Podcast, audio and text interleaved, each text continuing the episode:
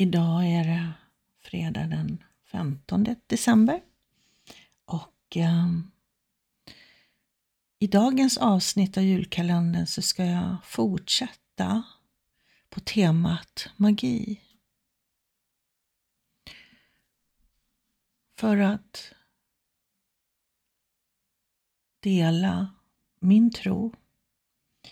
Min tro på att det finns mer än det vi kan se med våra fysiska ögon. Och vi vet ju att andra ser annat som andra inte ser. Som till exempel jag, jag ser inte andra väsen och så vidare. Men jag vet att de finns. och det här är skitläskigt hörni. Men jag får så stark vägledning att jag ska bli så otroligt personlig i den här julkalendern. Och jag vill ducka för det. Jag vill hellre svara på frågor eller prata om medberoende och, och så. Men jag behöver följa eh, min vägledning och det är skitläskigt hörni. Det är inte så många människor jag har berättat eh, för det här som jag har upplevt. Just för att av rädsla att man ska tycka att jag är galen. Att hon, ja, någon tappat eller hon, där är bara inbildning eller någonting. Gud, jag är så rörd och berörd av det här. Jag har nästan svårt att jag måste andas lite djupt. Så det, det, det är skitläskigt att följa eh, sin inre vägledning.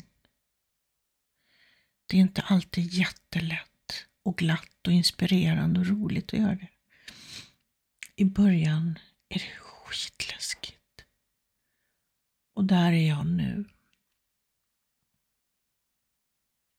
Och du vet, går upp i det logiska, låter egot bara få, ja, men har du blivit galen, har du fått hybris, vad håller du på med, bla bla bla. Egot vill ju hålla oss trygga.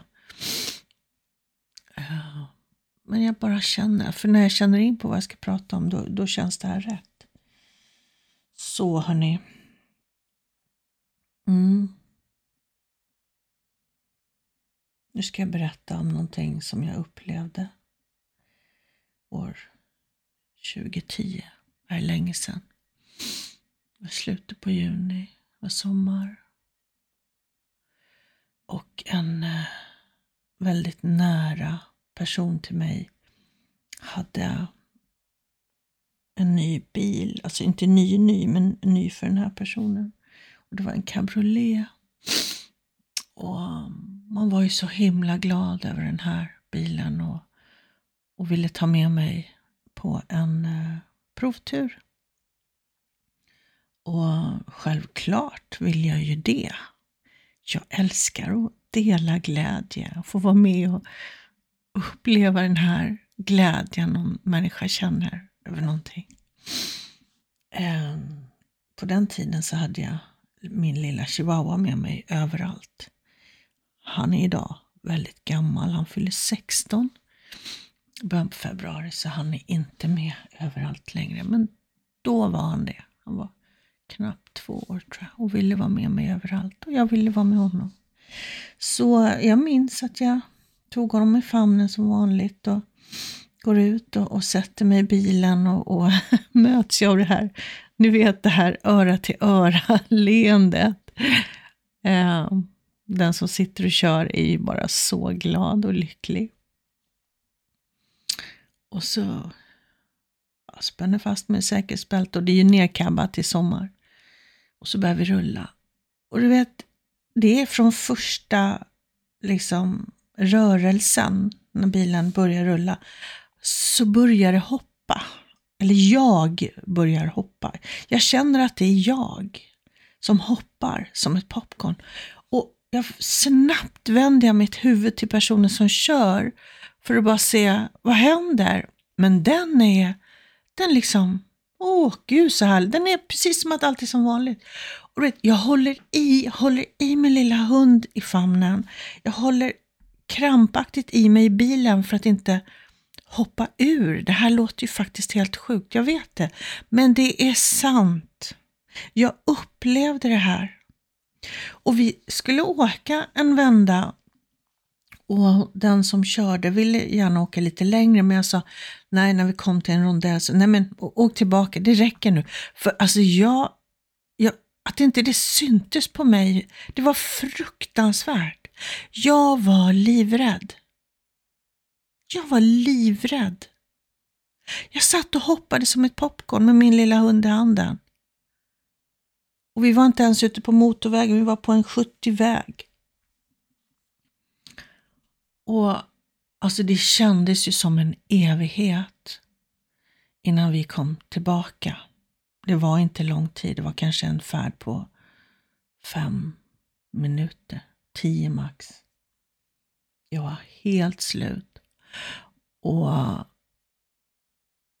när jag går in och berättar det här för min man och han liksom, ja men han, han såg ju att det var sant, att jag hade upplevt någonting, men han hade ju svårt att tro.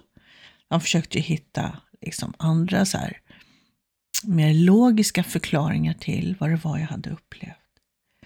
För någonting hade jag ju upplevt, det såg han ju på mig. Uh, och då vet jag bara förstod, fattade ingenting. Det var så konstigt. Och sen så då, två dagar senare, eller en, en och en halv dag senare, jag tror att det här var en lördag. Så på måndag morgonen när den här personen skulle ta bilen till jobbet, är på motorvägen och får punktering. Nu kommer jag bli rörd igen. Hörrni. Får punktering och sladd, bredsladd, så bilen snurr, den voltar ju då och in i liksom en sån här betongpelare som håller upp en, en bro. Och eh, personen som kör bilen, gud vad rörd jag blir, eh, ser, alltså i det här rullandet och i den här hastigheten så är ändå personen helt lugn. Berättades det senare helt lugn och ser som sitt liv som en film från det den personen var liten och framåt. Och förstår att liksom, jag ska dö nu, men är inte rädd. Och, men i samma veva så bara, nej, känner hon. Jag kan inte lämna mamma. Det är som min dotter som kör bilen. Nej, jag kan inte lämna mamma. Och det var jättestarkt i henne. Hon var 19 år då. Åh, Gud. Och eh, hon kryper ut. Hon överlever. Hon överlever den här krocken. Kryper ut. Och bara vill ringa mig. Och bara försöker hitta telefonen. Det kommer människor och hjälper henne där. Så. Och hon fick en whiplash-skada. Det var liksom det enda. Och som hon inte lider av så extremt mycket idag. Det här är, är 13 år sedan. Och jag är så tacksam att hon överlevde. Ni märker, det här är känsligt. Och då tillbaka till det jag upplevde ett och ett halvt dygn tidigare med den här bilen.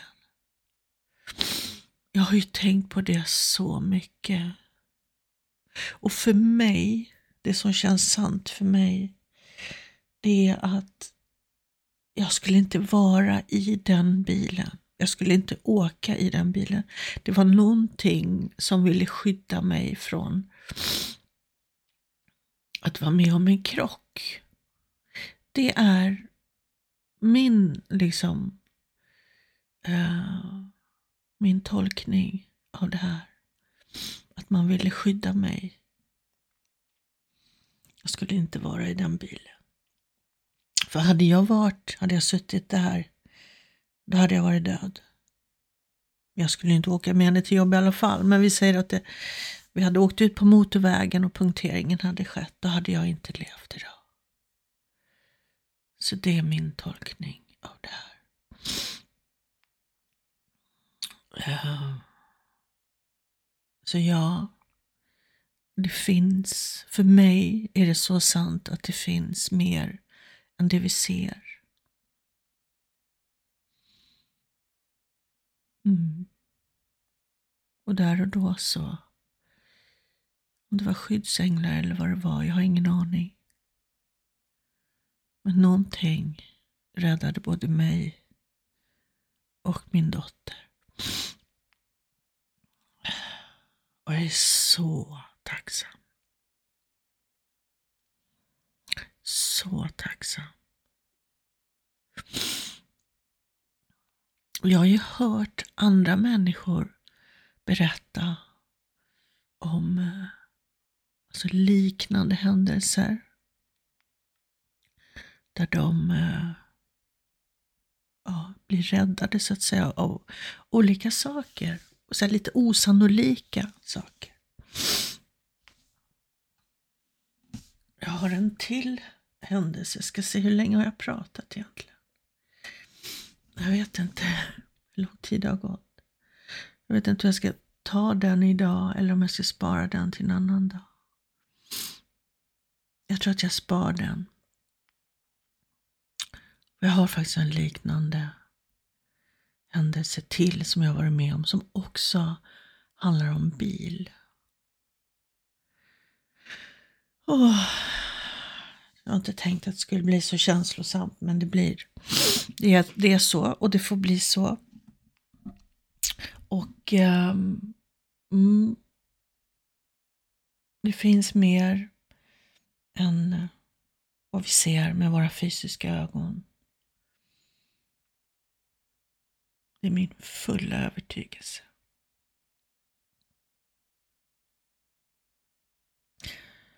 Ja, det får bli det sista för idag i det här avsnittet. Och eh, vi får se om det är imorgon som jag ska berätta om den andra händelsen där jag också blev räddad faktiskt. Eller om det är någonting annat. Det vet jag inte förrän jag är där imorgon. Vad som inspirerar. Och idag var det det här. Så jag vill önska dig, dig en fin fredag. Och eh, vi hörs. Hejdå.